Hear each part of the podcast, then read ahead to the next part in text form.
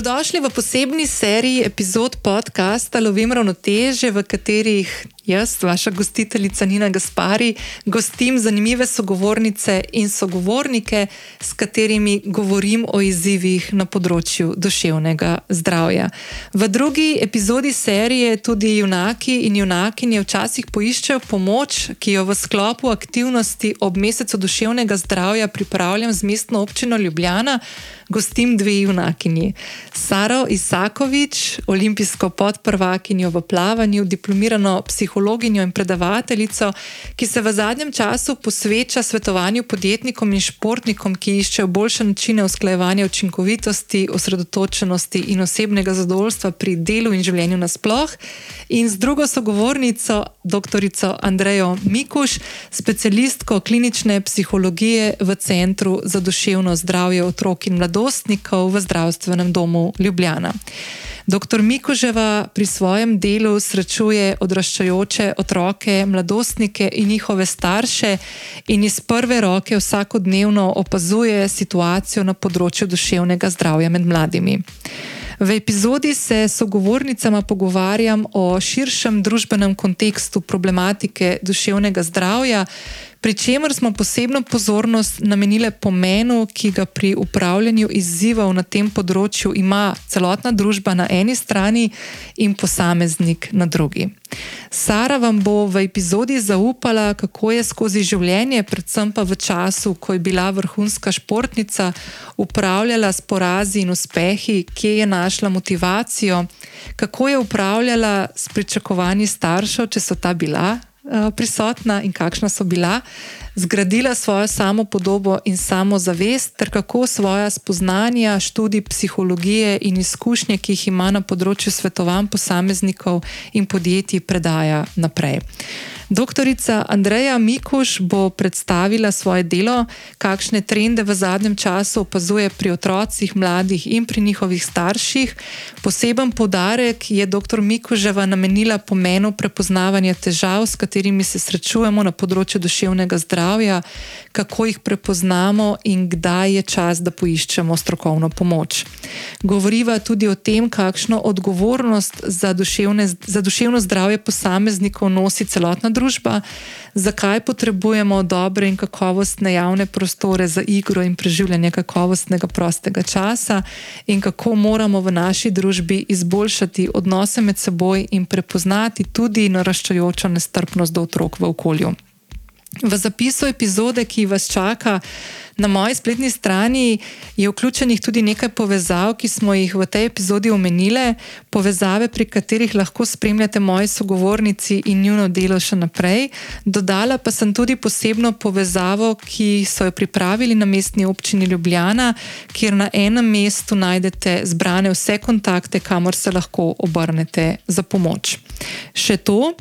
Pogovor za drugo epizodo od treh v seriji podcast pogovorov, tudi junaki in junakinje včasih poiščejo pomoč, smo posneli v novem centru Rok in je na voljo tudi v video obliki.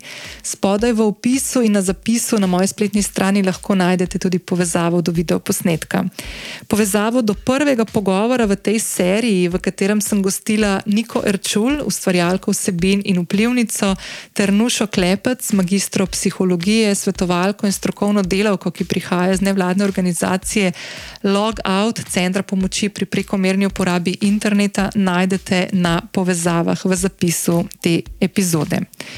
Duševno zdravje ne bi smelo biti zgolj breme posameznika, zato je prav, da o svojih občutkih spregovorimo na glas. Zato mislim, da je pravi čas, da besedo predam mojima drugima junakinjama, ki bosta spregovorili o pomenu odprtih pogovorov na temo duševnega zdravja. Se slišimo ob koncu epizode.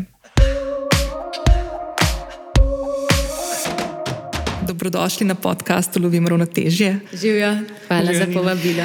Mi smo se, smo se dogovorili, da se bomo tikale, tako da uh, najprej to sporočimo. Um, jaz bi vaju najprej, pa mogoče bi začela Sara s tabo. Uh, da mogoče malo poveš o svoji poti, kaj delaš danes in kako mhm. prepletaš svoje izkušnje iz uh, časa, ko si bila še vrhunska športnica, uh, z stvarmi, ki jih danes počneš. Ja, jaz sem imela izredno srečo to, da sem pač skozi plavanje uh, prišla do te ljubezni, do psihologije, zato ker sem že kot športnica zelo zgodaj razumela, koliko je pomembno, da je moja glava zdrava, da je na pravem mestu, če hočem doseči vrhunske rezultate. Tako da potem po te No, poj, no, po plavalni karieri. Že vmes med plavalno kariero sem v bistvu šla študirati na Berkeley, tam sem študirala bolj eh, neuroznanost, se pravi uh, neuropsihologijo, ker me je zanimala tudi funkcija možganov, se pravi človeško obnašanje, bolj iz vidika razumevanja ja, funkcije in strukture uh, naših možganov. Da,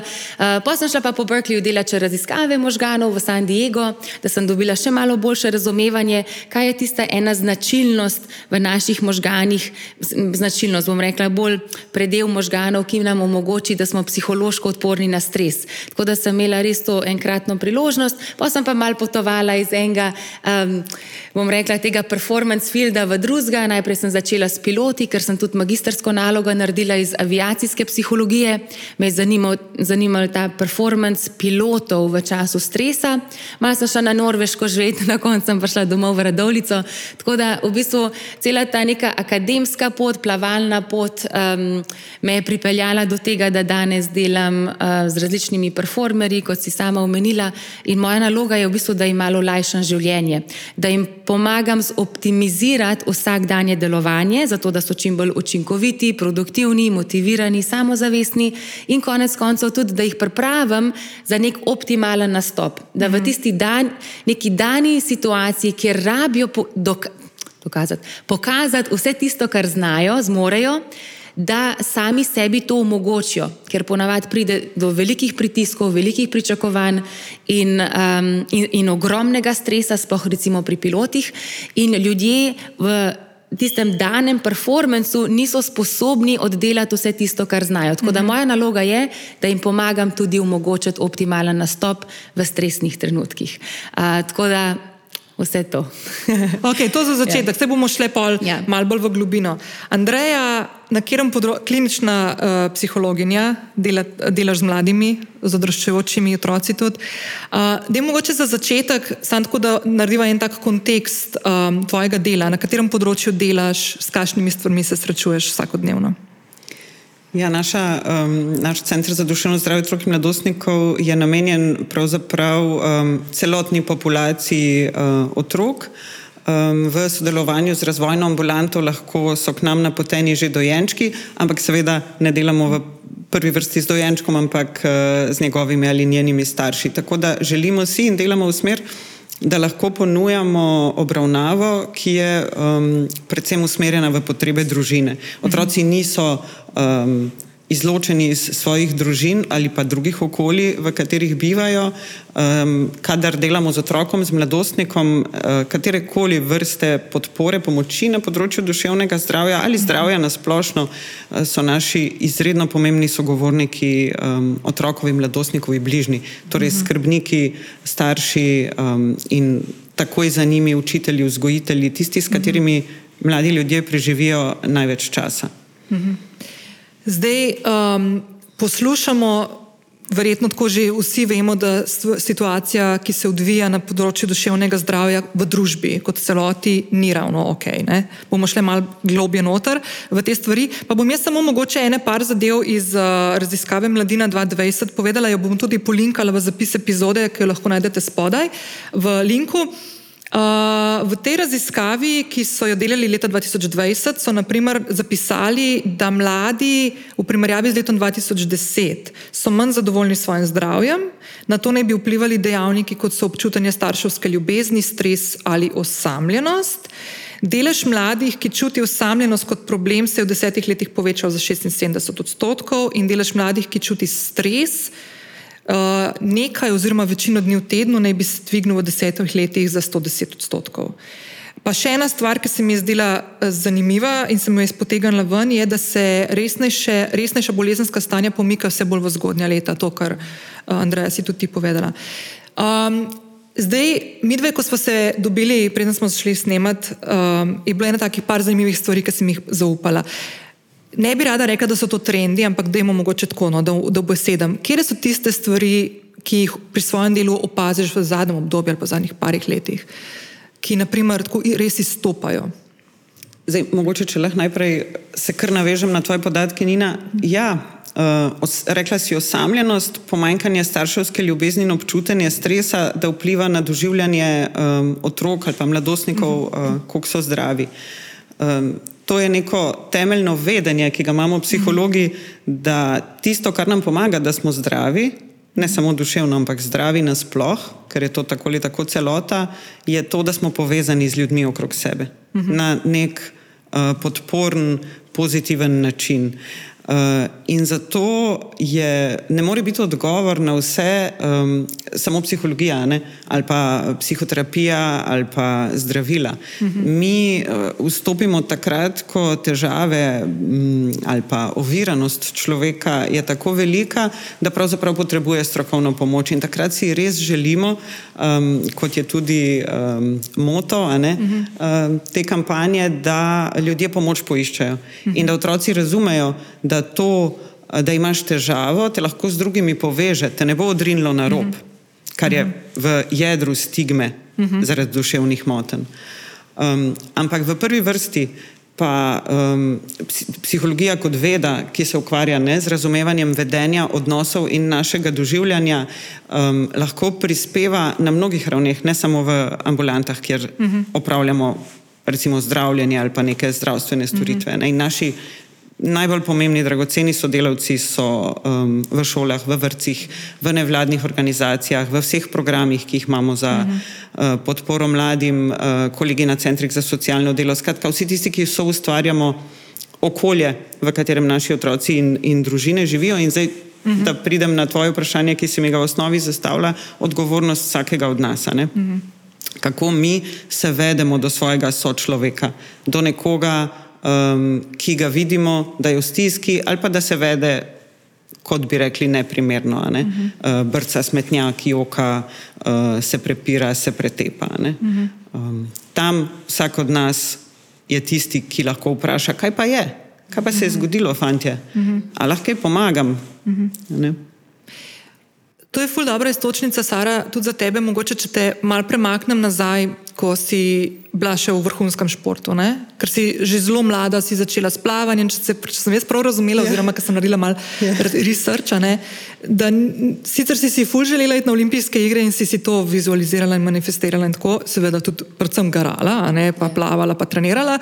Ampak nisi na začetku tako, da bi, ker ste s bratom dvojčkom yeah. oba plavala, ne? nisi yeah. tako, da bi zdaj pa ful, čist na začetku plavala. Ne, ne čist na začetku je bila to samo igra in v bistvu um, sem bila, mislim, sem še vedno danes hvaležna svojim staršem, ki so me na ta način um, nekako upeljali v šport skozi neko mm -hmm. igro, ljubezen do plavanja. Uh, mami kot plavalka, bivša tudi uh, si samo želela, da se mi dva naučiva plavati, tako da to je bila prioriteta kot um, ne vem, neko, nek življenjski skil, ki ga pač vsi rabimo imeti, zato da smo na varnem, ko mm -hmm. smo v vodi. Uh, ampak pač mi, da se ja, z bratom razvijala to ljubezen do tekmovalnosti, tudi zato, ker uh, sva bila dvojčka, mi sva, dvojčka in uh, sem si vedno želela biti hitrejša od njega, tako da sem mal um, imela te um, intuitivne tekmovalnosti. Um, ampak potem pa ja, skozi trening, počasen, nek um, napredek sem pa tudi rekla, wow, všeč mi je ta šport, uh, rada bi bila hitrejša, močnejša, uh,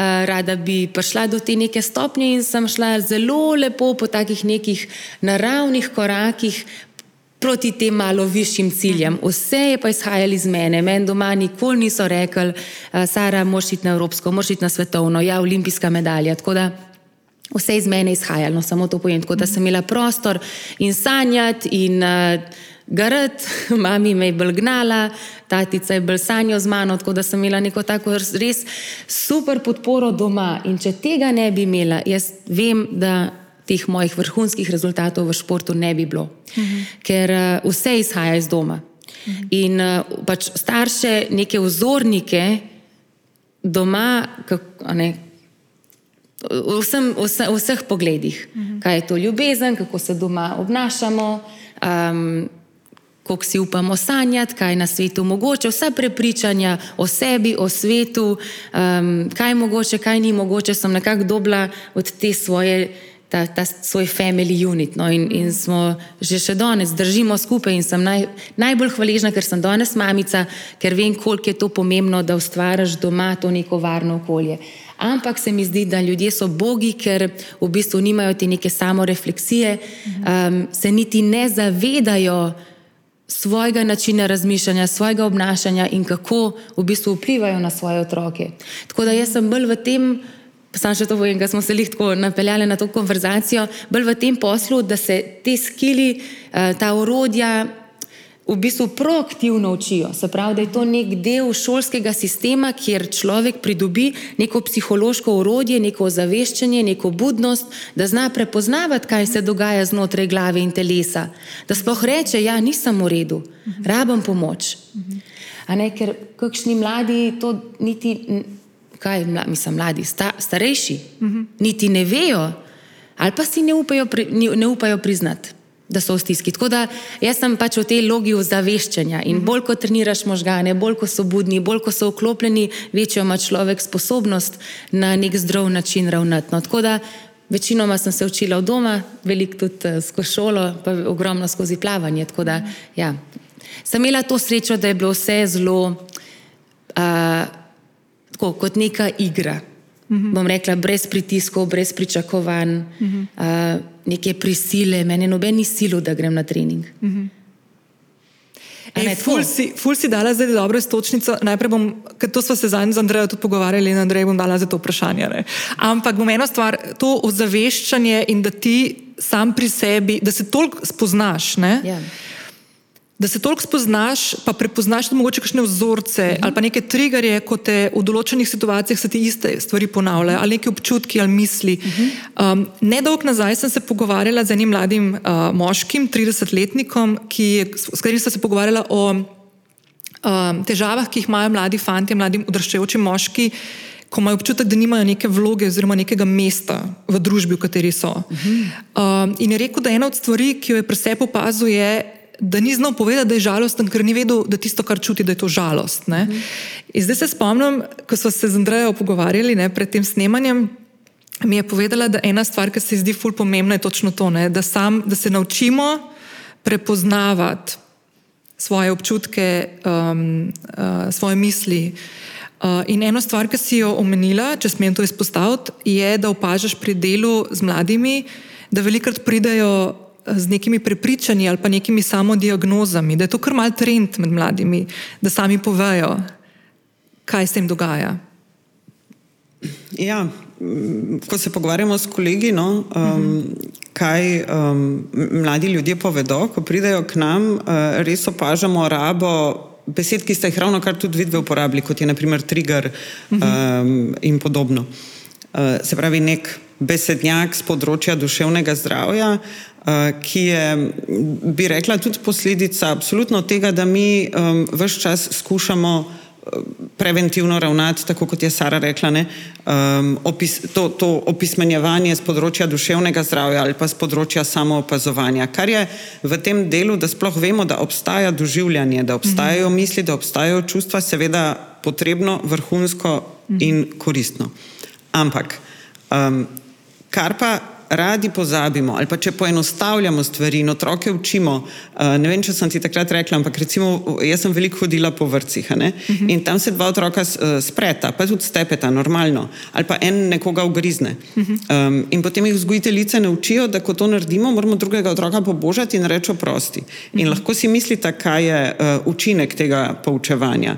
Da otrok takoj, ko ugrizne, brez razmisleka, hop, prime po Božja in reče oprosti in stvar je urejena. Ampak to nam seveda ne pomaga k temu, če mora rečemo mentalizacija, da prepoznamo, kaj se je zgodilo v meni, kaj sem naredil, aha, in kaj je bil ta proces. Nikakor ne. Torej, samo neposredno poučevanje izrazov nas ne pripelje daleč. To ni, da mi razumemo, kaj se z nami dogaja. In res dragoceno je, da pustimo vsakemu človeku, otroku, mladostniku, da najde svoj jezik, uh -huh. da, da lahko razmišlja o tem, kaj se mu dogaja. Mora najti svoje izraze. In jaz vedno rečem staršem, jaz vam bom zdaj povedala, kako bi jaz to razložila, da razumete rdečo nit sporočila, ampak vi morate najti svoj družinski jezik, uh -huh. a ne svoj način, kontekst, v katerem boste vi te stvari izmenjali. In zdaj to, kar si ti rekla, Sara, prej, če mi kot odrasli ne zmoremo prepoznati, kaj se dogaja, pogledati svojega otroka, ga vprašati, ne razumem te, kako si to mislil in biti pri tem iskreni, potem ne pomagamo otroku uh, pri zorenju teh veščin. Tako da res pomembno je, da vidimo drugega človeka, ne glede na to, ali je dojenček, malček, yeah. Ja. uh, predšolski, karkoli, uh, kot osebo. Uh, in, ga, in poskušamo imeti z njim pristen stik. Ali pa v bistvu biti v stanju, da sploh imamo lahko pristen stik. Ne, jaz mislim, da v bistvu večino ljudi to uvira, da, da jaz pač jaz to vidim prvič kot mamica, zdaj, ki ima dve leti, pa pol starega otročka. Da če, če jaz nisem prisotna, če jaz nisem pomirjena, da je moj žilčni sistem pomirjen, da diham globoko s prepono v času, ko je nek kaos doma, jaz nikakor ne morem vzpostaviti tega stika, ker nisem um, v bistvu sploh prisotna, ker sploh ne vidim. Ker ne, jaz v bistvu moje stanje, moje notranje stanje ni sposobno videti otroka kot, kot eh, neko mehko bitje, ki se še uči, ampak v bistvu izhajam iz nekega pričakovanja, kako se otrok mora obnašati, iz tega od doma, recimo neka ta stroga gorenska uh, uh, vzgoja.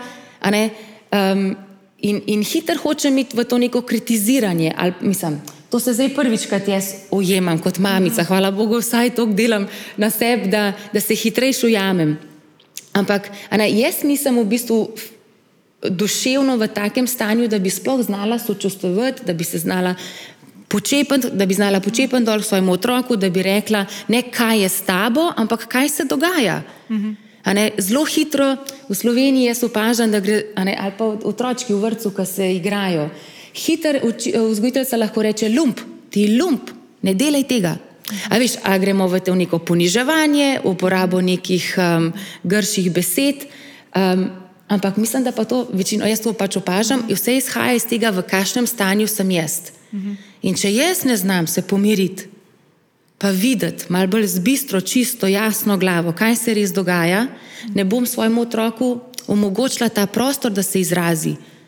Ker... Kako se bo otrok, zelo, sorry, kad sem te prekinila.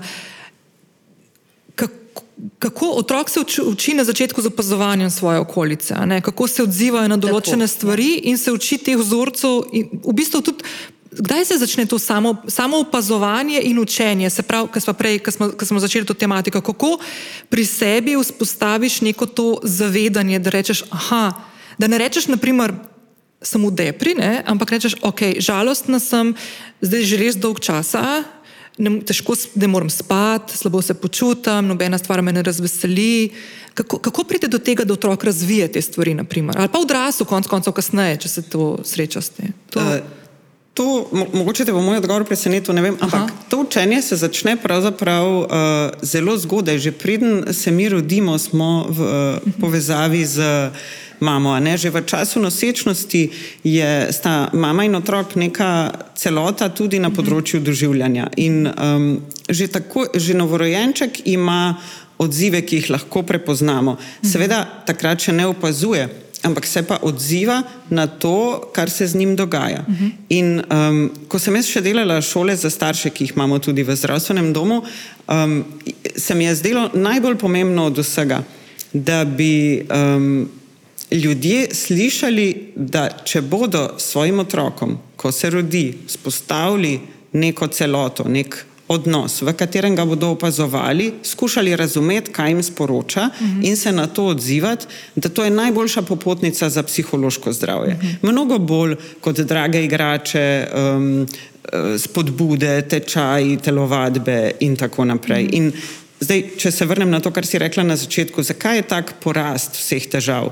Um, ali pa zakaj starši ne zmorejo tega, kar je rekla Sara, da bi se lahko posvetili svojemu otroku in sebi na začetku, še pred otrokom, tukaj in zdaj, kaj se dogaja. Pač časi so trdi. Um, za nami so, sta, so leta um, izrednih pritiskov, naporov, uh, finančne negotovosti, zdravstvene negotovosti uh -huh. in um, visokih pričakovanj, uh -huh. pa slabih izidov. Uh -huh. V smislu okoljske katastrofe ali pa nekih uh -huh. uh, ekoloških skrbi, to je pravzaprav tudi že kar nov pojav med mladimi, uh -huh. anksioznost vezana na to, um, da ne bojo imeli pitne vode, da je okolje onesnaženo, da ne bo služb, da ne bo stanovanj. Zdaj, ali lahko temu Nina rečemo anksioznost kot motnja, ali lahko temu rečemo prilagoditveni strah na to, kar uh -huh. vidimo, da se okrog nas dogaja. Pač mladi ljudje so razmišljajoči, uh -huh. živijo v svetu, razmišljajo uh -huh. o tem, kaj bo z njimi uh, in nekateri njihovi strahovi.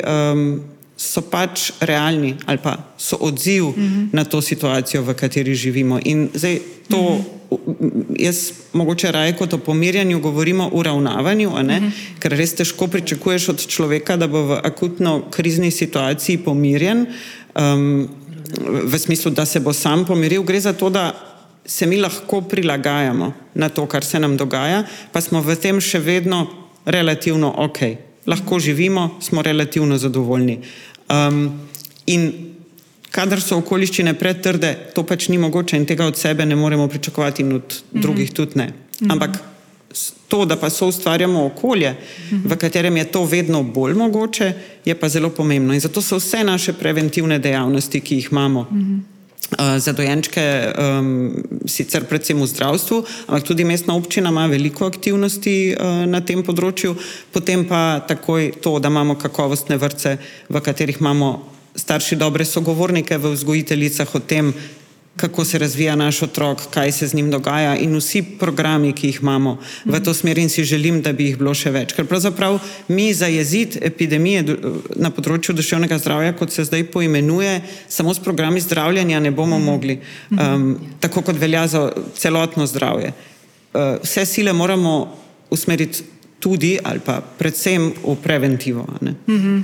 Da vsak od nas se zaveda tega, da je del te družbe in so, bom kar jaz rekel, so odgovoren za situacijo, ki se odvija med nami. To pa tudi, da ponujamo programe, v katerih ljudem pomagamo, da razumejo, kako v nekih situacijah ravnati, ali pa kaj je tisto, kar je eh, enako kot na, v programih srca in ožilja, kjer nam že mhm. desetletja povejo, to, ja. to, to, to, zdaj, a mi to res delamo ali ne, vemo vse tri same. Ampak, ja. ne, eh, da pač ljudje imajo informacije, kako in, in rekla si, ne, da je.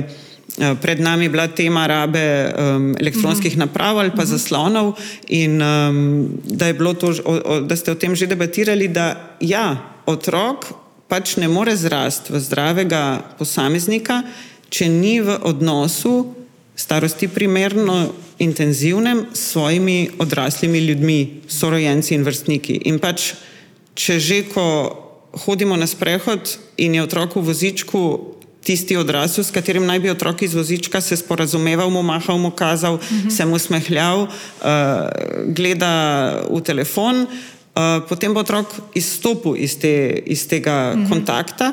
In se ne bo učil vsega tega, kar smo se prej uh, pogovarjali. In tudi, ko bo prišel vrtec, bo mnogo bolj nemiren in mnogo bolj nestrpen uh, do vrstnikov, do vzgojitelj, do zahtev, uh, do te rutine. Um, mm -hmm. Ker pač vseeno do 12. oziroma 11. meseca, ko gredo otroci v vrtec, se že marsikaj naučimo. Ljudje smo zelo učljivi v prvem mm -hmm. letu življenja.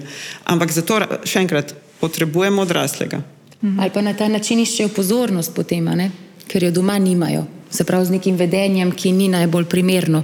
Zato, ker doma nima uh, mogoče te pozornosti, mm -hmm. jo nekako išče na drugačen način.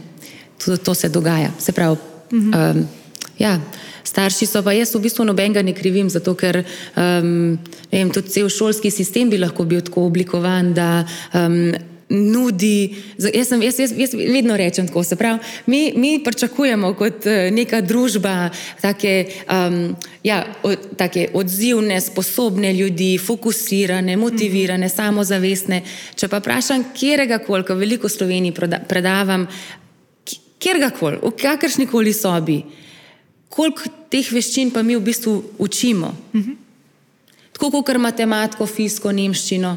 Se pravi, kako lahko mi sploh pričakujemo, da je otrok priseben, fokusiran, osredotočen dlje časa, če te veščine ne učimo. Se pravi, mi ne moramo eh, te sposobnosti pričakovati, če ni trenirana. Hvala Bogu, v športu je tako, da nekako rabaš skozi pač vsak dan trening, 16 km na dan, 20 let. Jaz sama pridem do spoznavanja svojega uma, kako se vede v času stresa, kam me odplavijo moje misli, kako me ograbi neko močno čustvo. In potem se znam vse to manevrirati, zato ker Zato, ker drug, druge opcije nimam, ker če ne bom znala vladati svoje misli, če ne bom znala interpretirati močnega čustva, kot je strah, in, in ga spremeniti nekako v svojo korist, v svojo dobrobit, ne bo rezultatov. Tako da jaz sem, hvala Bogu, skozi šport prišla po neki naravni poti do vseh teh spoznanj, kaj se z mano dogaja, v kakšnem trenutku in kako lahko se jaz odzivam na način, ki bo za me najbolj produktiven. Ampak mi, recimo, ja, to pričakujemo od staršev, to pričakujemo od šolstva, ampak nimamo ja, teh programov, nimamo teh ur učenja, da bi sploh kdo rekel, aha, rekel. Kako se sploh vede moj um, kakšna je narava mojega uma, kako so napeljani moji možgani kako lahko jaz v bistvu uporabljam te informacije in potem se jaz odločam, kako bom z njimi ravnal. Ne moramo tega pričakovati, če tega ne učimo. In verjamem, da kakšen starš, ki tole posluša, sigurno je že kdaj rekel svojemu otroku: No, malo se zber, gremo, gremo, malo se zber, kje je zdaj ta fokus, kje je koncentracija. Kako če otrok cel dan trenira distrakcijo, pa ne samo on, vsi na telefonih. In treniraš distraction, distraction, nikoli ni bene prisotnosti, čuječnosti, zavedanja okolice, sebe, drugih, nekega čuječega poslušanja. Če tega ni, se to ne more trenirati. In trening možganov je isto kot kjerkoli druga mišica v telesu, se trenira, se ojača. In ta sposobnost se na ta način razvije. Tako da jaz sem full fan tega, da bi čim več, da bi dal čuječnost za, za malčke v vrtu. Zakaj nimamo tega? No, Se, ali pa v mm, šolah. zdaj, tako. ja, to, to je um, verjetno ena, en, ena perspektiva ali pa en vidik, kako razumemo uh, spreminjanje človekovega doživljanja, mišljenja in vedenja. Ampak pride vsak, vsaka naša, uh, naše vplivanje, ne, nas psihologov pride upoštev takrat, ko je potrebno. Ampak, Sara, kdo je bolj osredotočen uh, in usmerjen v cilj kot malček, ki leži na tleh, Torej, ok. beza za travico v luknjo in čaka, da bo prišla ven mravlja, ker on si je zdaj to zamislil in on bo to ven zbezal. Bom Ga ni bolj osredotočenega. pa se to, In- ja, to nas otročki naj, najbolj učijo. Bi- najlepša stvar v bistvu biti mamica je to, kako priz, prizemljen in prisoten je otrok in kako mene vabi v to prisotnost. Tako da se upravičujem, mogoče bom rekla od petega, šestega, sedmega leta No. naprej. Ampak ja. Ampak kar, kar Ja. hočem povedati je to, da mi zaradi tega, kar se je zgodilo z razvojem, potem moramo začeti neke programe, neka preusmerjanja, neke treninge, tisto, če mu rečemo psihoedukacija, torej da učimo ljudi, kaj, kaj, pomeni, um, kaj pomenijo neki psihološki procesi. Ampak dovolj dobro okolje, dovolj dobra družina in um, običajen otrok, seveda, ki nima nekih dejavnikov tveganja v razvoju, se bo razvil v zdravega človeka. Pač ni potrebno, da čisto vsako stvar treniramo. a ne. Um, ampak da vstopimo takrat, ko je treba. Ker tudi za, za recimo, čuječnost ni uh, univerzalna metoda za vse. Uh, ravno nedavno se, sem brala raziskavo, ki so jo delali v Veliki Britaniji, kjer so ugotovili, da ko so eh, uvajali čuječnost v šole kot neko univerzalno uh, preventivno intervenco, je za tiste otroke, mladostnike, ki so bili na meji um, neke motnje razpoloženja, imela negativen učinek. Zakaj? Zato, ker gre za fokus na noter. Torej, na svoje doživljanje, na to, kaj razmišljam, na to, kako se počutim. In kadar ne, smo na meji, ne, ne zdaj si lahko predstavljaš, Nina, tisti dan, ko si slabe volje, če vse dan razmišljaš, jaz sem slabe volje, zdaj ja. pa to, sem, to me moti, uno me moti, boš seveda vedno slabše volje po naravi stvari. a Ne? Uh -huh. In ne rečem, kadar gre za neka izredno obremenilna stanja, samo usmeriti fokus drugam ne bo pomagalo. Kratkoročno ja, ne? je to ena od tehnik, absolutno, ampak ja. ne pa To ne, dolgoročno. Ampak za zdravega človeka pa ni treba, da se cele dneve ukvarja samo sam s sabo in kako se počuti. Nikakor ne. Ne, nisem ne? tako niti Ja, ja. mislila. Ne, Saj saj vem, da jaz v nisi, bistvu ampak hočem reči- čuječnost niti ja. ne razlagam na tak način. Tako da v bistvu je to samo neko stanje opazovanja, da ti rečeš. Um, tole trenutno doživljam in sprejmeš tisto, kar doživljaš. Ker večina ljudi, v bistvu, a ne tako je, sej, nikakor nisem fan tega, da takoj preusmeriš pozornost nekam drugam, zato ker se na ta način zamotiš in potem je ta občutek lahko še močnejši. Ampak da v bistvu sprejmeš, čuječnost je zavedanje, sprejemanje tistega, kar je in v bistvu sediš s tem občutkom in rečeš in priznaš, kdaj rečeš, ja, neudobno mi je, čutim, a ne, ti si prej se izrazila strah, ne, kako si rekla, aha, depres, pač, depresivna sem, žalostna sem. V bistvu je že to neko, nek način uh, izražanja, kako se počutimo na robe. Zato, ker rečeš, v bistvu je bolj pomembno, da rečeš, čutim žalost, prepoznavam jo, kaj se z mano dogaja, kje jo čutim. Se pravi, za me čuječnost kot performer je bolj v smislu, tole se zdaj z mano dogaja, nič ni narobe s tem, to je nek, uh, neko sporočilo, strah. Strah mi sporoča, Sara, pripravi se, nekaj pomembnega te čaka. Mhm. Noč ni na robe s strahom. Jaz nikoli nisem kot športnica preusmerila pozornost drugam. Kao, oh, čutim anksioznost, zdaj pa pač kje je fokus, Aha, tam na drugem koncu bazena. Ne, ampak je wow, hudo, interpretacija, wow. Pač adrenalin, ja, šiba skozi moje telo, rabim, rabim adrenalin, hvala strah, rabim te. Super.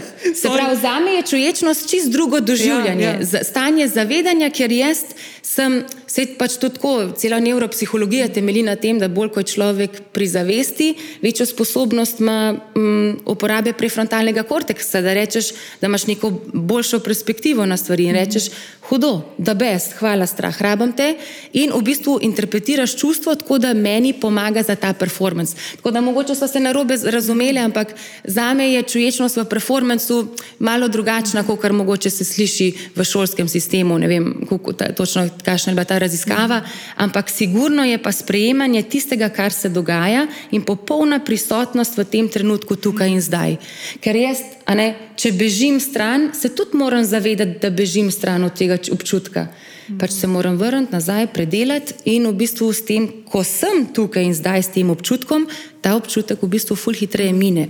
Tako da moje doživljanje je mogoče malo drugačno, kot sem. Ne, pa sej ti si ja. imaš eno, eno ta, ful imaš zanimivo, zakaj sem se začela vmes smejati, ko si govorila o tem, kako strah tebe, u, super, super, ne, ker jaz se spomnim, jaz sem 40 let Ne, pet let nazaj sem imel občutek, da sem se prvič tako soočila z nekimi svojimi strahovi, ki jih imam iz otroštva in to so bili strahovi predvsem. Aha. Strah pred zapuščenjem, strah pred neuspehom, pred uspehom, pred tem, da bom padla. Jaz kot otrok, naprimer, ne, razlika yeah. Ja. med nama, sem šla na kotalkat, jaz sem imela mogoče vem, na eno roko lahko preštejem, kolikrat sem imela hraste na koleni, da sem padla, ker sem full pazila, da ne bom padla, da se ne bom kje poškodovala. Tako, ne, sem živela v nekem temu, neki vatki, ki sem si okrog sebe dala zanimivo, kako drugače doživljamo. Pa v bistvu bi se zdaj mal, mal bi se, ker se mi zdi ful zanimivo, kar si zdaj povedala, veš na kaj bi se zdaj osredotočila.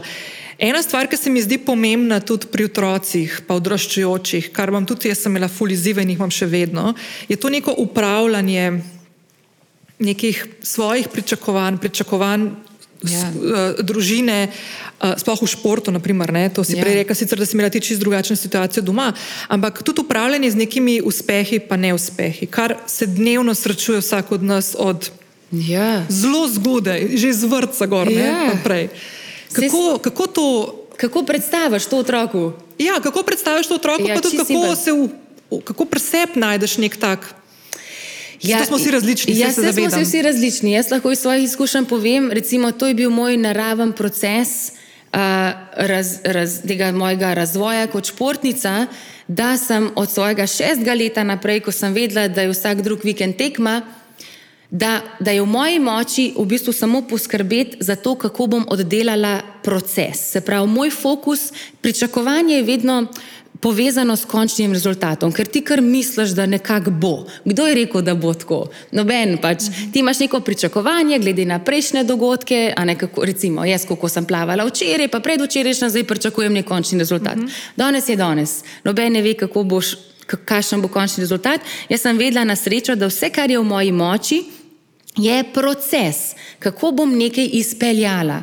In če sem jaz dosti prisotna, v bistvu zvizualizirala naprej cel nastop, znam regulirati svoj živčni sistem, mal, imam neke misli, ki me osredotočijo na par nekih focus points, da rečem, na to bom osredotočena, to, to, to in to, vem, da bom izpeljala svoj nastop po najboljših močeh.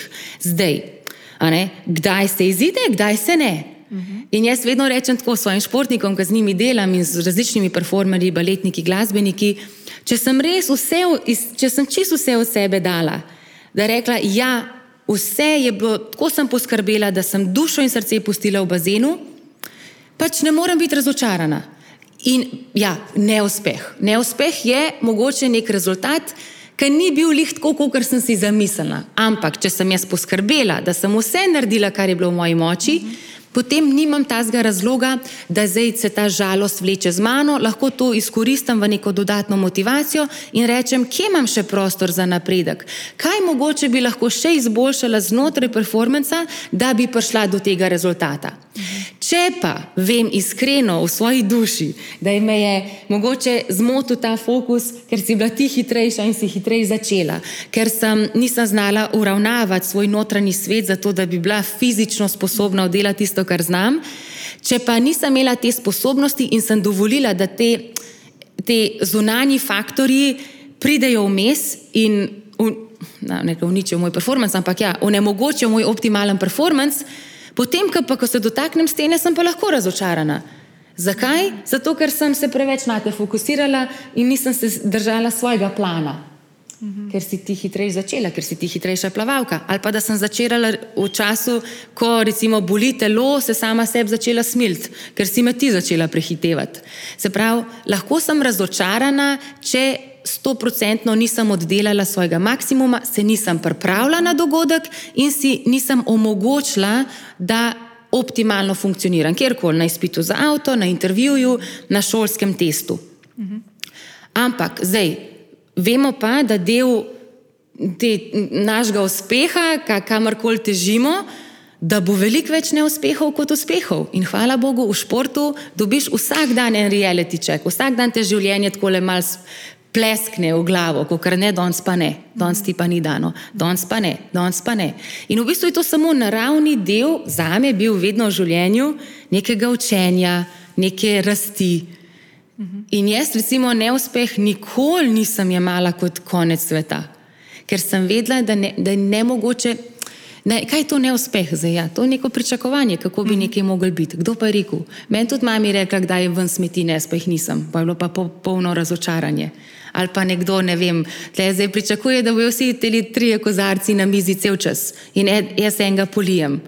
In spet neko razočaranje, zato ker si imel neko pričakovanje o tem, kako nekaj more biti. Jaz sem full fan, da se čim bolj razbremenimo pričakovanj, da se zastavijo namere, da se zastavijo cilji in poskrbi, da je proces na mestu, ker edin to je v naši kontroli. Čeprav to mi je ful dobro, ker si šla zdaj iz sebe ven, ne? ampak se mi zdi, da tako realno gledano v družbi, v kateri živimo, pa lahko se motim, nimam otrok, tako da lahko se motim.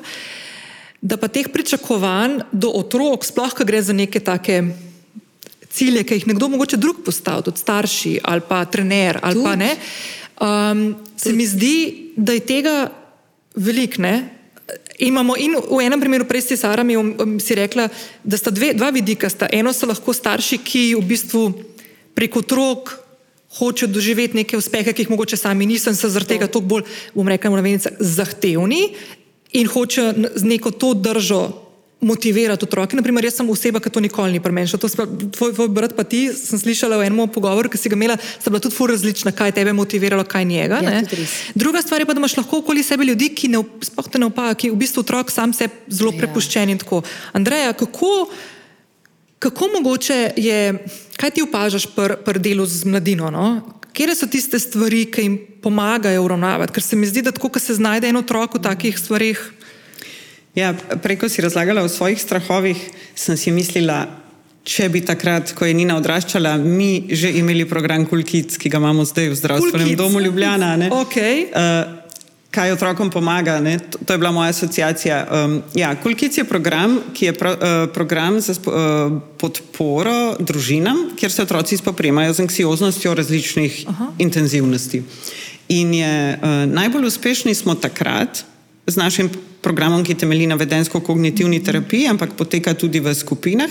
In pri mlajših otrocih ima bolj, pri starejših pa manj vključene njihove družine, se pravi starše ali pač skrbnike, s komer živijo. Je takrat, ko imamo pri svojem bližnjem ne samo podporo, ampak tudi razumevanje, kaj je tisto, kar nam bo pomagalo. In to je to, kar večkrat rečeš ti, Sara. Ne? Da uh, če mi razumemo, kako je strah nastal zakaj je nastal, kako naši možgani funkcionirajo in kaj moramo mi narediti, da bomo lahko s tem strahom bolje upravljali, torej ne ga izbrisali, ker strah ima svojo nalogo, ne? ker če nas ne bi bilo strah, bi nas eh, ali kdo pojedel, ali povozil avto, ali, ali pač bi, bi odkudar ja. padli.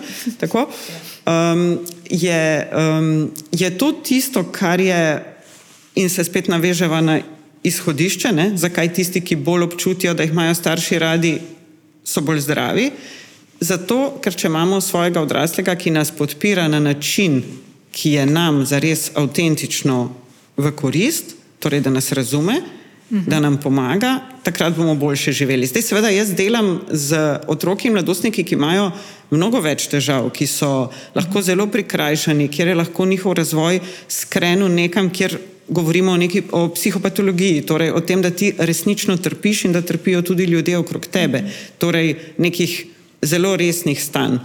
Ampak mehanizem je še vedno enak, da uh, podpremo otroka, da bo bolje razumel sebe in podpremo predvsem njegove starše, da bodo bolje razumeli sebe in otroka. In to večje so težave, hujše so, uh, mi rečemo, klinične slike, torej da imaš ali več moten ali neko zelo zapleteno motnjo, ki te močno ovira, torej da se dnevno samo poškoduješ, da si samomorilen, da imaš motnjo hranjenja, vse to. Um, večjo in bolj trdno ekipo rabimo sodelavcev, da lahko naslovimo vse te potrebe. In zato so ti sodobni programi, ki jih v zdravstvenem domu imamo, kjer zdaj res načrtujemo v vsaki novogradnji tudi Centr za duševno zdravje otrok. Um, in kjer se moji sodelavci, uh, sodelavke izobražujejo res o, z dokazi podprtimi programi, eno takih je tudi Kulkic, uh -huh. na katerega smo izjemno ponosni skupaj s Svetovalnim centrom za otroke, mladostnike in starše Ljubljana Maribor in zdravstvenim domom Velenje, uh -huh. da nam je pač Ministrstvo za zdravje financiralo en tak program, kjer res lahko ponudimo storitev od začetka do konca, kjer so aktivno vključeni naši uporabniki, ne, da ne rečem pacijenti in njihovi bližnji. Tako da, ja. Mm, Okoliščine so trde, vse več otrok je, ki imajo res kompleksne težave. Eh, v Ljubljani imamo tudi terciarne oddelke, ki so polni, slišimo uh mhm. -huh. po medijih vse čas, uh mhm. -huh. da ni dovolj postelj na uh, oddelkih za otroško psihiatrijo, uh mhm. -huh. niti v Mariboru, niti v Ljubljani. Skratka, da imajo otroci res velike težave. Ampak, ja, uh -huh. če se vrnem nazaj, ko bomo ojačali preventivo, bomo imeli uh -huh. čez 15 let morda boljše izide. Zdaj pa pač moramo uh -huh. se ukvarjati s tem, kar imamo, na način, kakor znamo. In znamo tako, da zberemo tisto, kar vemo, da pomaga za pač neko stanje ali pa uh -huh. neko življenjsko situacijo pri ljudeh. In to nikoli ni. Uhum. Enodimenzionalno, ali pa ni, ni samo psiholog dovolj. Uhum. Ali pa, ko postaneš starš, ali pa še prej. No, v bistvu, ko takrat v bistvu šele vidiš, kaj vse se nekje v podzavesti skriva. Pa sem imela zelo čudovit uh, upbringing v svojem otroštvu, ampak tudi prepoznavam ti neke svoje vzorce, mm -hmm. mogoče kakšne nekoristne, da res kot, kot starš se začneš. Jaz mislim, da je to najbolj, mislim, to je za me najbolj odgovorna vloga, ki jo imam danes v življenju. Ker vem, kako z vsako besedo vplivam na svojega otroka. In da jaz res v, te, v tej vlogi se večkrat vprašam, ne, kako lahko se pomagam, se pravi, ali pa da ozaveščam, kako ta svoje pričakovanja, pritiske prelagam na svojega otroka. Mm. Ker, um, ja, ker starš tega ne ozavest, potem pa otrok to čuti in potem mm. jaz sam povem, kako to zgleda pri meni. ne mi zamer, tisti, ki ste bili pri meni, vsi ste krasni, ampak večina, večina to tako zgleda, da dva starša pripeljeta enega otroka k meni in reče Sara, um, tega mm, zrihtej. da je poprav tega le otroka, ni motiviran, anksiozen. Uh, na treningu gre super, na tekmi pa totalno zablokira. In v bistvu jaz in otrok niti ne pride do besede v tem sestanku, ker so starši tako glasni. Aha. In jaz, kjer muzej več moram delati, ne hecam se. Pač, sta, a ne, če, bi, če bi te starši mogoče z malo več razumevanja, z malo bolj prostimi rokami pustili svojega otroka, da, da je glasbenik, da je športnik, pa ga ne silili v to, včasih meni otrok reče, Sara, meni to sploh ni všeč, jaz to sploh, jaz to sploh nočem delati. In jaz tako, oh, ok, Donze, ko zaključimo seanse. Jaz, jaz prav vem, ko nekdo meni pripele tega otroka, jaz, jaz vem, ali po kurji poti, ko mi otrok reče, res kaj si želi, koliko je motiviran, um, da z dušo in srcem, koš, košarko igra, judo, um, karkoli. Ali pa, ko pride v sankciozen, zdaj sem pred staro, zdaj moram povedati, da hočem iti na olimpijske, starši uh, pritiskajo, no, povej, kakšne imaš cilje. Pa pa je to ok. pač to se vse po energiji tudi čuti. In jaz si ful, pač jaz staršem, jaz starše vabim, da preberejo, tukaj imajo čudovite literature, um, tudi na to temo, conscious parenting, kako v bistvu tvoja vloga je res sam support. Samo support in ta v bistvu neskončna ljubezen, tudi ko pride otrok domov slabo oceno. Je še vedno rada te imam. Pač ja, ampak dajmo najti način, kako boš ti izboljšal zdaj ta rezultat. Ne pa še ena trojka, ti ni za nič, v tebe cel življenje nič ne bo, zakaj pa se tvoj bratec tako dobro zna učiti, ti pa ne. Sosed je boljši od tebe. A veš, je ogromno tega nekega giltrimbika, poniževanja in otroci se poje sigurno, da zaprejo. Mm in niti več ne delijo svojih stisk, zato ker so takoj kritizirani ali pa napadeni, ko rezultat ni dober. Otrok pa ni rezultat. Otrok nikoli ne bo rezultat. Otrok je otrok. In če se počuti kot rezultat, bo ogromno pritiskov, ogromno pričakovanj. Eni grejo seveda v ta overachiever mode in potem deset doktoratov in ne vem kaj še vse, zato ker izhajajo iz sebe, da niso dovolj vredni kot človek. Kot človek niso vredni, kot rezultat so samo nekaj vredni. In grejo v svet in se skozi probajo dokazovati. In skozi iščejo potrditev od odzunaj, da so dovolj. In nikoli ni dovolj. In tudi nikoli ne bo dovolj. In tudi nikoli ne bo dovolj. Če ne najde v sebi noter ta občutek lastne vrednosti, ki se pa res goji doma. In starši so tisti, ki dajo občutek lastne, te lastne vrednosti svojemu otroku, da ga prepoznajo, da ga vidijo, da reče: Slišim te, vidim te, tukaj sem zate. Mhm. Tudi sem tukaj zate, ko, ko res narediš neko lumparijo. Ti nisi lump, ampak si pa naredil veliko lumparijo. Mhm. Da, ni, da, ni, da ne kritiziraš identiteto otroka, pa tako umazan, lenoba, lena. Leno se obnašaš, umazal si se že desetkrat. desetkrat sem že upravljal tole majico. Prav, da dejanje ločaš od osebe. Seveda. In potem, veš... in, potem pri, in potem s tem je veliko manj pritiskov in mhm. pričakovanj, ker jaz vem, iz, ko sem izhajala iz svojega doma, jaz sem bila vedno Sara, ko sem prišla domov. Jaz nikoli nisem bila Sara plavalka, ki, ki je slabo plavala, ampak sem bila jaz. Mhm. In sem imela to ljubezen in sem imela potem tudi to sposobnost iti v svet, probat. In, ja, in nikoli se nisem bala, ničesar. Mhm ker sem nekako se dobro počutila v svoji koži, dobila sem ta nek občutek, da me imajo doma radi in to je bilo naj, tisto nekaj najbolj pomembnega. Ampak človek, če nima te ljubezni v sebi, je tudi ne more dati. Tako da jaz res ne vem, jaz, še, jaz, sem, jaz sem največji fan vseh teh programov. Jaz si sam želim, da preden gre mamica roditi, da dobi, dobi manual. Ja. V roke, kako, kako vzpostaviti to vest sama sabo, se počutiti dobro v svoji koži, uh, biti neka taka ozaveščena oseba, da lahko potem tako energijo doma ustvariš. In res je, kot je Andreja rekla, otroci nič ne rabijo. Nič, vse imajo, samo zavest. Tako samo zavest, da kaj ta zga, jaz sploh nisem vedela, da je možno, da se otrok mečkam gleda v gledalo. A si videla, kdaj je to? Ja, ne čaka svojega. To, ja. Polk bomo nehali snemati, bomo nekaj pa krni za pred kamero. Kako je to, koliko je to ja. ljubezni ja. do sebe, ja, koliko ja, ja. je to motivacije, koliko je to igrivosti, radovednosti. Sam kaj, ka potem človek, ta oseba, bližna neka, ki ni zadovoljna v svojem telesu, samo to dol tlač. In seveda, da pride do teh konfliktov kasneje in ogromno duševnih motenj, ker otroci nimajo prostora, da bi se zdravo razvijali. Tako da jaz vabim starše, da začnejo to revolucijo pri sebi. Ne, ampak v bistvu tle dve stvari, ki je prej Andreja, ki si omenila, ne, in tudi zdaj ti ne. Prej, ki si razlagala o tem, kako lahko se otrok fokusira na mravljico. Ali pa, ja, da se gleda v ogledalo in si, si sam sebi govori, da je, ja, ja, da je ja. najlepši ja. ali pa najboljši. Um, da se mi zdi tako včasih res, kot si zdaj omenila, koliko stvari bi se v bistvu tudi odrasli, če bi upozvali te otroke, lahko naučili, pa mogoče malo vrnili pa jim pustili to, ja. jim pustili, da so.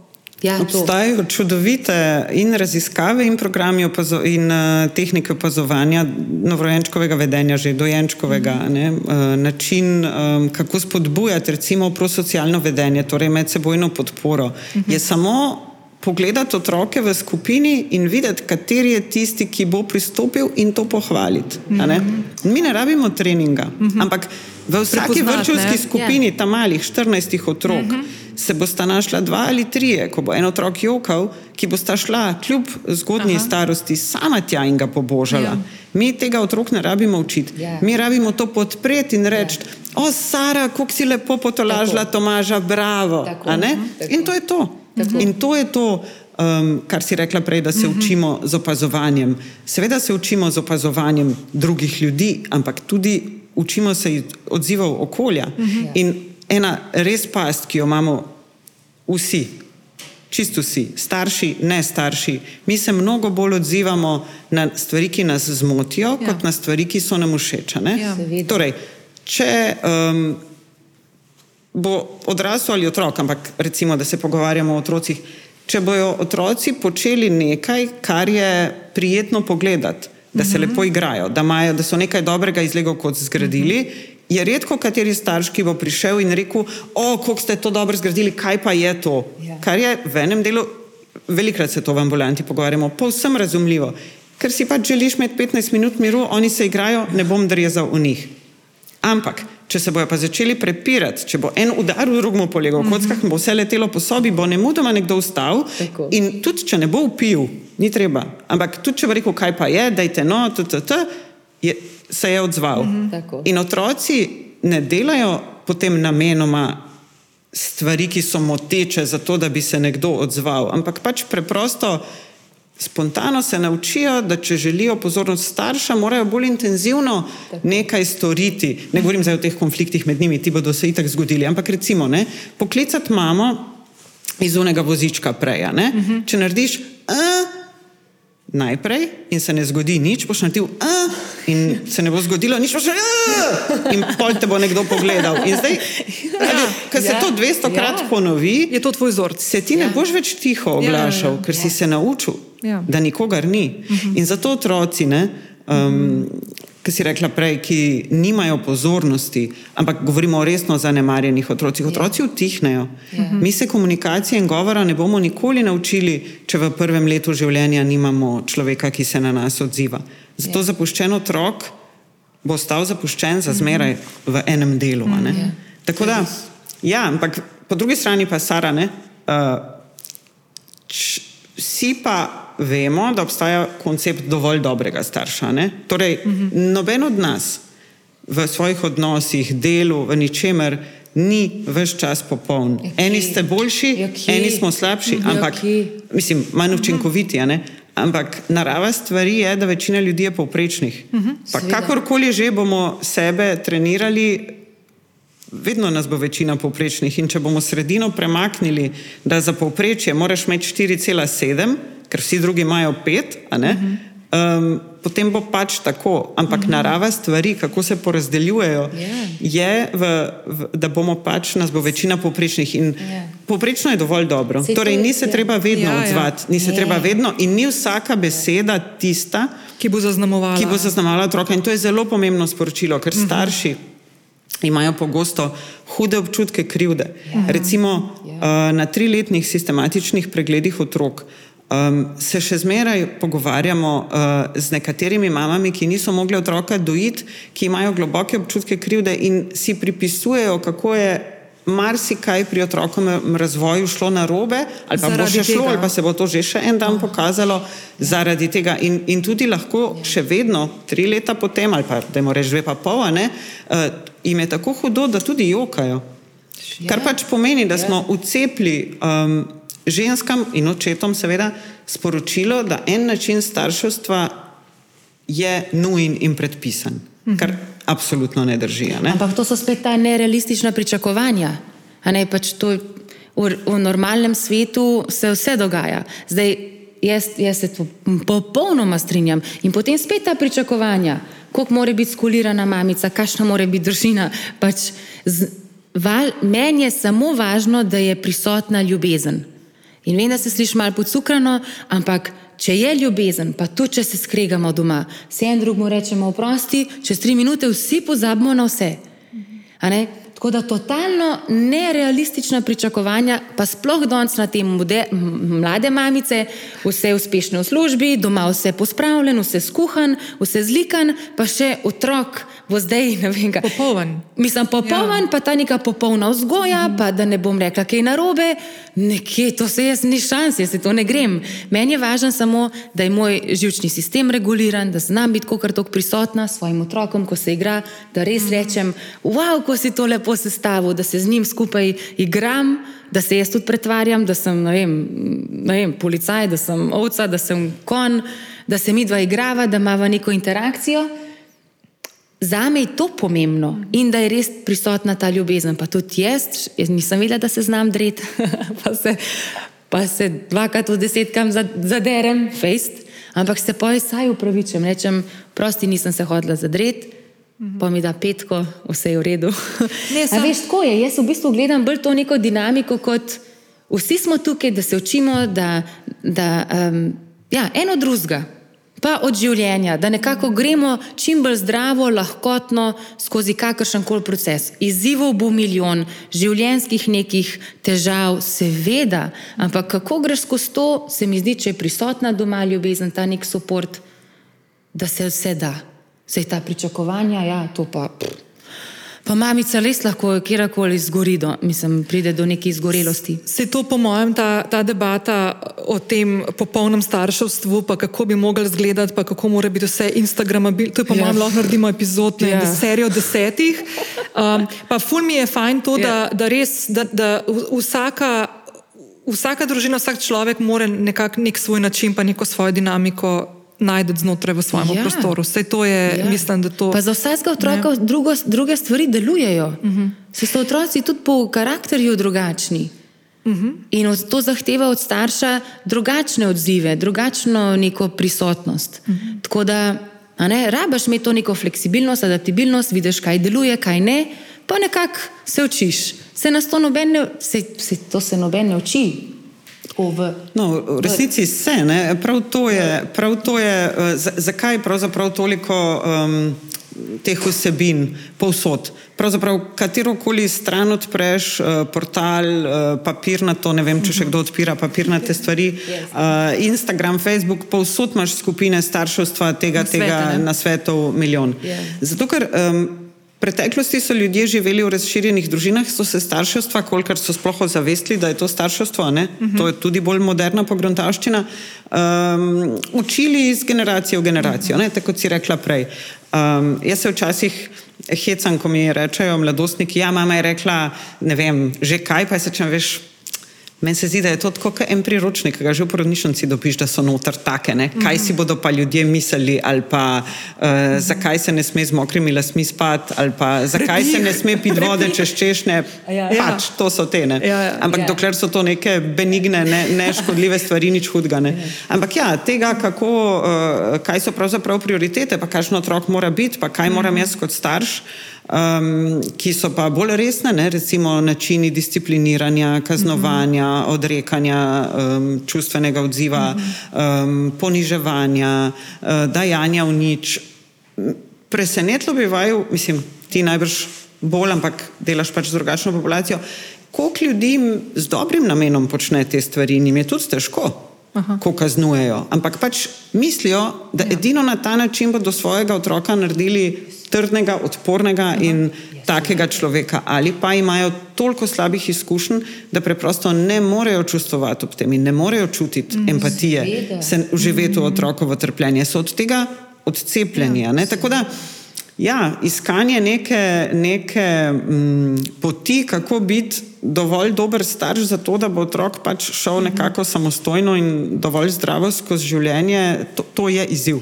Mislim, se še ena stvar, če smem tle, pa mogoče, mogoče bom zdaj kakšno bučko rekla, ampak um, antropologi, ne, ki jih poslušaš, znajo reči, da biti otrok, otrok kot koncept otroštva otroka, unikuma, sprav, da je sam svoja oseba, je zelo mlad pojem. Ne? Pa niti povsod na svetu ne obstaja. Točno ne? to, ne. Veš, mi, hmm. mi po eni strani se ukvarjamo s tem, kdaj gre lahko, koliko mora biti otrok star, da hmm. lahko gre samo v šolo, pa iz šole. Pomembno, absolutno preventiva vse. Ampak hkrati -hmm. Enako stari otroci na drugem koncu sveta kopljajo rudo za naše telefone, ja. uh, delajo mm -hmm. v Tovar, tovarnah ja. tekstila, ja. Uh, delajo na poljih. Ja. Skratka, ja. koncept otroštva absolutno ni enak ja. posod na svetu, ni za to moje usko področje, ja, ja. da ne morem.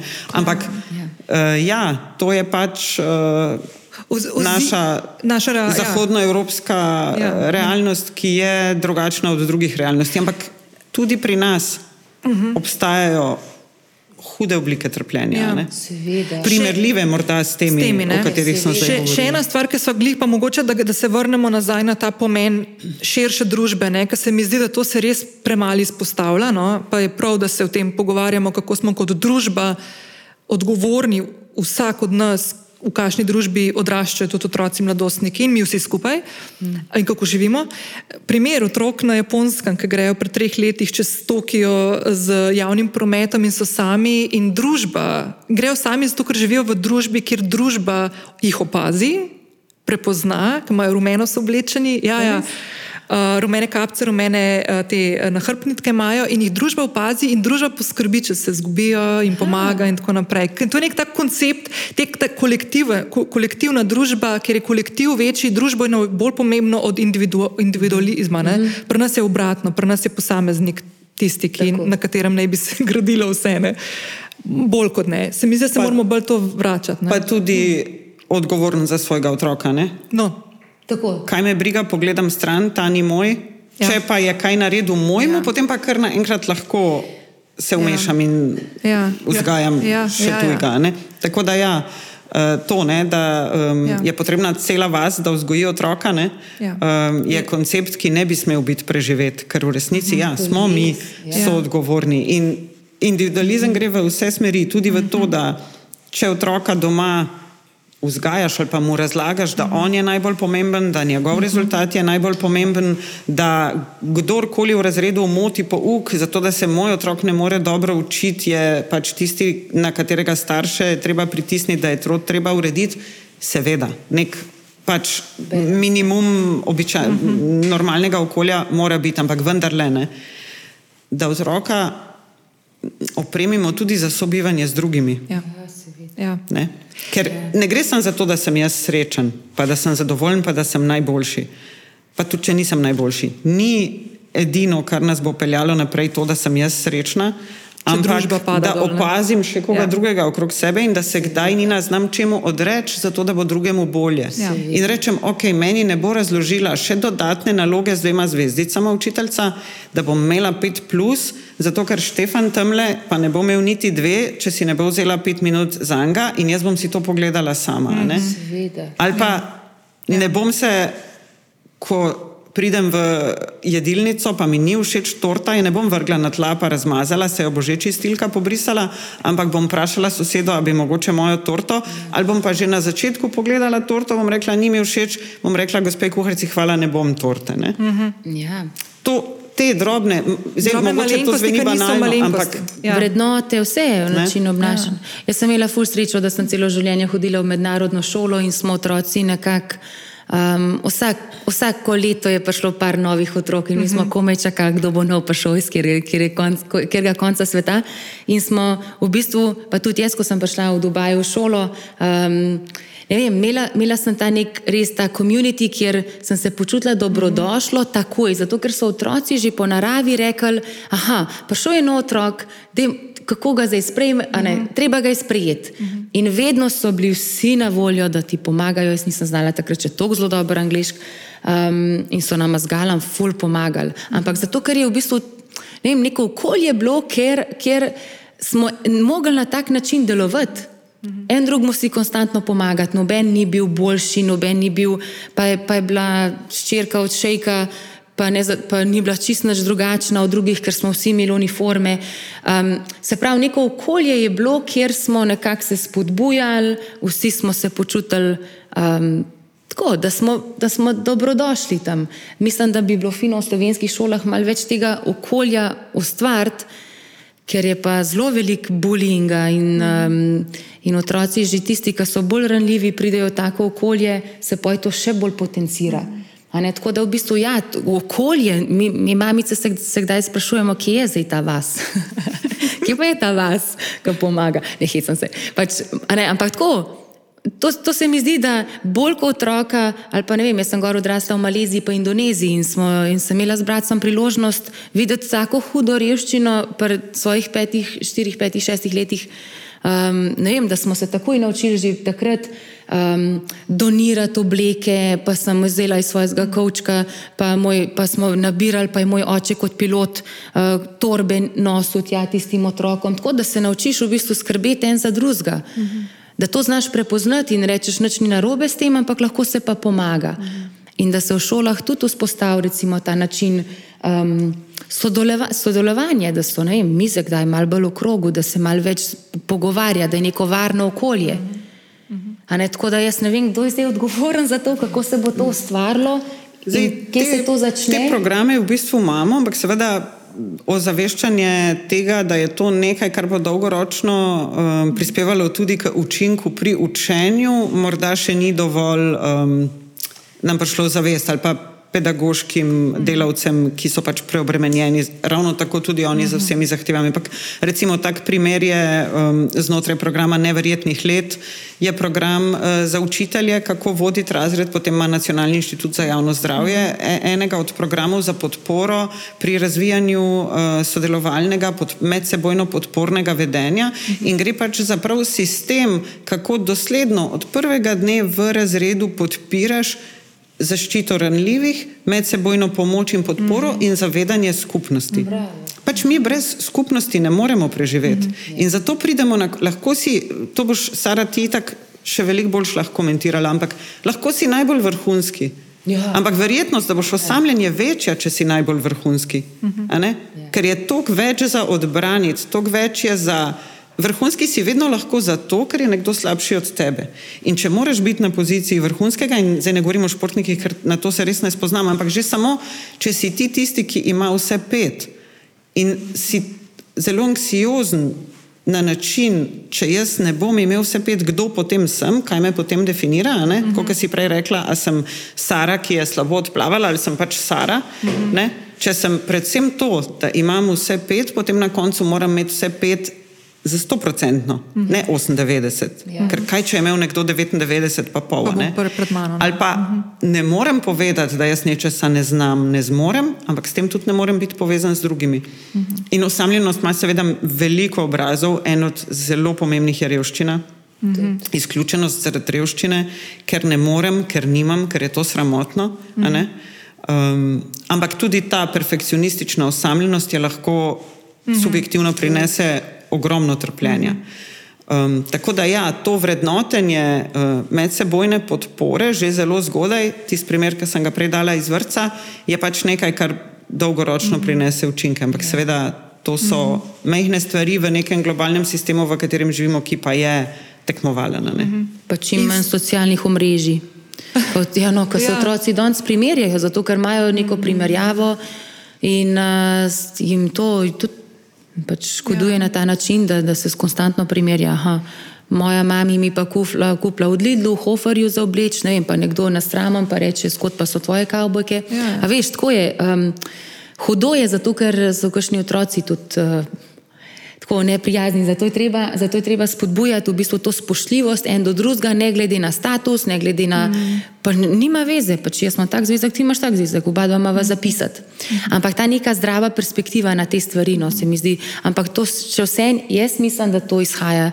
Iz, iz doma. Zdaj, ne morem govoriti ne, pač, eh, nekoga v stanju hude revščine, ampak Pač mis, nisem nikoli čutila nekega pomankanja, ampak vedno sem imela ogromno sočutja in spoštovanja do vsakega, ne glede na to, aj imel, aj ni imel. Aj, mislim, to, vem, v moji generaciji to sploh ni bila debata. Ja. Veš, to je tudi ena, ena od stvari, ki sem jaz vedno, ko znam biti včasih tako kritična do svoje vzgoje, mojih staršev, na momente, ki sta tudi mlada, ki sta me imela, pa jih zdaj veliko bolj razumem, kot sem jih mogoče, ne vem, ker sem bila stara 20 ali pa, ali pa sem bila najstnica. Ne, sploh. Ampak, naprimer, ena stvar, za katero sem jima ful hvaležna, je točno to, da ste me vzgajala, da ne delam razlik med tem, s kom se pogovarjam, ali je doktor znanosti ali je nekdo, ki je na ulici živi. Ja. Poskušam, sej včasih ne, se pol zalotam tudi kje, ampak se poskušam vedno vračati in se mi zdi to neko spoštovanje do sočloveka ful pomembno in se mi zdi, to taka stvar, k, o kateri smo danes. Upam, da odprle malo debato. Andreja, ena stvar, ki se ti bom ful zahvalila, um, zadnjič, ko smo se dobili in pogovarjali, ko smo se spoznali, Uh, si umenila to, ne, kako smo nestrpni tudi do otrok. Skozi govorimo, da ja, otroci so preveč na ekranih, pa zakaj se noben več ne igra na igriščih, pa se pa tam z balkona uderemo, da ne bojo bolj tih. Pa, ne, Ampak ti moram prav povedati, da sem imela zdaj en tak čist brezvezen, bizaren primer. Enega fantka, po mojem, prvošolček, ne vem, ni imel rudke, drugo šolček, no, mehan. Je prišel iz šole v sosednjem bloku, jaz sem šel v trgovino, pa mimo in ni mogel vrat držati, ko so bila pretežka zanga. Hmm. In sem mu prijela, ne? in je otrok se tako obrnil nazaj, fantek, in je bil ful prestrašen, ker da je nekdo odrasel ne? in se rekla, vse je v redu, tvoj soseda, sem sam pomagam ti držati vrata. In pa je tako pogledal in rekel, aha, hvala. Ne? A veš, in se mi zdi tako, in sem se takoj na te spomnila. Res, koliko v bistvu je pomembno, da opazuješ take momente, s katerimi verjetno se srečaš parkrat na dan, pa jih niti ne opaziš. Primerljive, ne samo otroci, tudi starejši ljudje. Um, in se mi zdi ful pomemben, da malo bolj opazujemo, pa mogoče nismo tako zelo sam nas. Ja, ja. Včasih je majhna stvar dovolj, ampak veliko velik majhnih stvari pa prinese nek odnos do sveta. Ne? Ja, pa spremenja svet, ja. v bistvu. No? Če smo tako čizne, včasih imamo občutek, da ne moramo spremeniti nobene stvari, v bistvu v svojem mikrookolju lahko. Ne? Vem, da moramo zaključiti, ampak to moram dodati. Dej. Da to spoštovanje gre med nami, ne glede na status, ampak tudi glede na starost. Ja. Torej, da mi odrasli vemo, da mi nismo najbolj zmožni mhm. otroku povedati, kaj on rab ali pa mu razložiti, kaj se mu dogaja.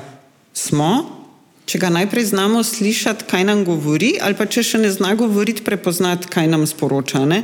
In to mislim, da sem ti tudi takrat ja. rekla, da moj moto pri mojem delu je, da jaz enako zauzeto in enako spoštljivo komuniciram s tistim, ki je star 8 mesecev, s tistim, ki je star 16 mesecev, ali pa 16 let, ali pa 36, ali pa 86. Torej, uh mhm. -huh. poskušati najti stik in jezik, da boš lahko s tem človekom komuniciral uh -huh. uh, in ne veš čas iz svojih ne, predpostavk, kaj zdaj on rab ali pa ne rab. Na, na, na ta način. In, in s tem bi tudi mnogo večjo strpnost uh -huh. med sabo dosegli, zaradi tega, ker ne bi vse čas stremeli samo k temu, da bo po moje, kot jaz mislim, da mora biti, uh mhm. -huh. ampak da se bomo ja. sporazumevali med sabo. Poslušanje in odzivanje. Ja. Čista zadnja stvar bom obe vprašala. Da zaključimo tako onahajno. Ne, se smo, se mi zdi, smo fully. Jaz, jaz sem tako pričakovala, sem, da, bomo imele, um, da bomo se zelo fokusirali, osredotočili na stvari, ki so narobe. Ampak se mi zdi, fully se mi zdi fajn, da smo šli v to, kaj lahko naredimo Aha. kot posamezniki in kot družba, pri sebi in širše. Uh, Čisto za konec, mehen korak, ki tebi, Sara, ali tebi, Andreja, pomaga, da se boljše počutiš. Kaj je tisto, po čemer posežete največkrat? Jaz največkrat v zadnjih dveh letih in pol, po globokem dihanju s prepono.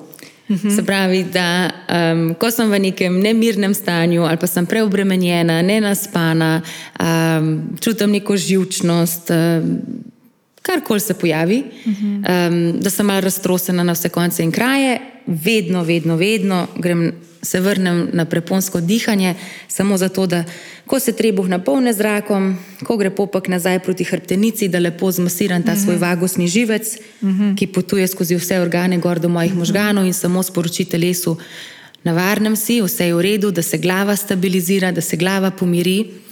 In da mal znam um, tako, samo uravnavati svoj živčni sistem. Za me je to trenutno največje bogatstvo um, v vseh smislih, da se pojavim kot neka um, ja, prisotna, prizemljena mamica, da se pojavim kot predavateljica, dost, uh, tako, mm -hmm. s temi pravimi živčki, ampak še vseeno ne s piskajočim glasom, pa da ne vem, kakšna trema preplav, ampak tako, da sem stabilna, globoko dihanje s prepono. To Jaz sem pred leti naredila izpit za učiteljico joge, sicer zdaj že dolgo časa eh, nisem učila, tako, ampak ja, to je v bistvu dihanje skozi, no, skozi nos, skozi da se napolne trebuh, da naredimo un trebuh, kako rad punce, ženske. No, tiščimo, da se res napolne tako. in počasno. Ne, in to v bistvu lahko delamo kjerkoli, lahko Kaj smo na sestanku, na kavozmo avto, kjerkoli. In v bistvu se res fulumiriš. To je temelj psihološke odpornosti. Uh mhm. -huh. Nujno, jaz vas vse vabim. Potem so ena še, še boljša vaja, pa box breathing, ja. tako da za nalogo pa škatlično dihanje. Škatlično dihanje, googlite. Ja. Super, Andreja. ja, ali lahko dam dva odgovora? Ab, absolutno. Ker en je bolj uh, telesen, drug je pa bolj verjetno psihološki. Okay. Um, ja, meni najbolj pomagajo moji ljudje, ne? ljudje, ki jih imam rada in ki imajo radi mene, na vseh, ne samo družina, ampak tudi širše. Ne? Da imaš svoje pleme, kateremu spadaš ali pa pripadaš. Um, pa hodim na rožnik. Oh. Uh, rožnik je tudi eno tako pleme. Uh, mislim, da je rutina odgovor. No? Rutina Aha. je tista, ki nas pomirja, ki nam življenje naredi obvladljivo. In uh mhm. -huh. jutranji sprehod na rožnik je vedno enak. Isti kuški, isti ljudje, vsi, ki rečejo dober dan, vsi, ki ne rečejo, tisti s šalkami, tisti brez, vedno isti krok. Pa, uh, kadar teče še voda iz pipe zgoraj, vrhunsko. Odlično. Najlepša hvala obema. Um, hvala vam, da ste gledali in poslušali. Lep dan. Hvala enako. Hvala, hvala. hvala. Hvala vsem, ki ste poslušali do konca. Naslednji teden v tretji in zadnji epizodi serije tudi junaki in junakinje včasih poiščejo pomoč gostim, sogovornico in sogovornika.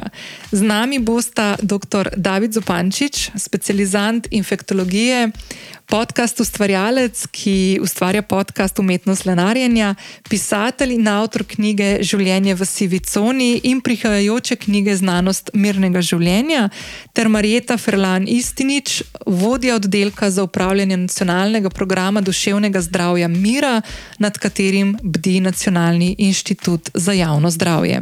Se slišimo prihodnji teden, pazite na se, bodite do sebe prijazni, pogovarjajte se o svojih čustvih in občutkih in poiščite pomoč, če je to potrebno.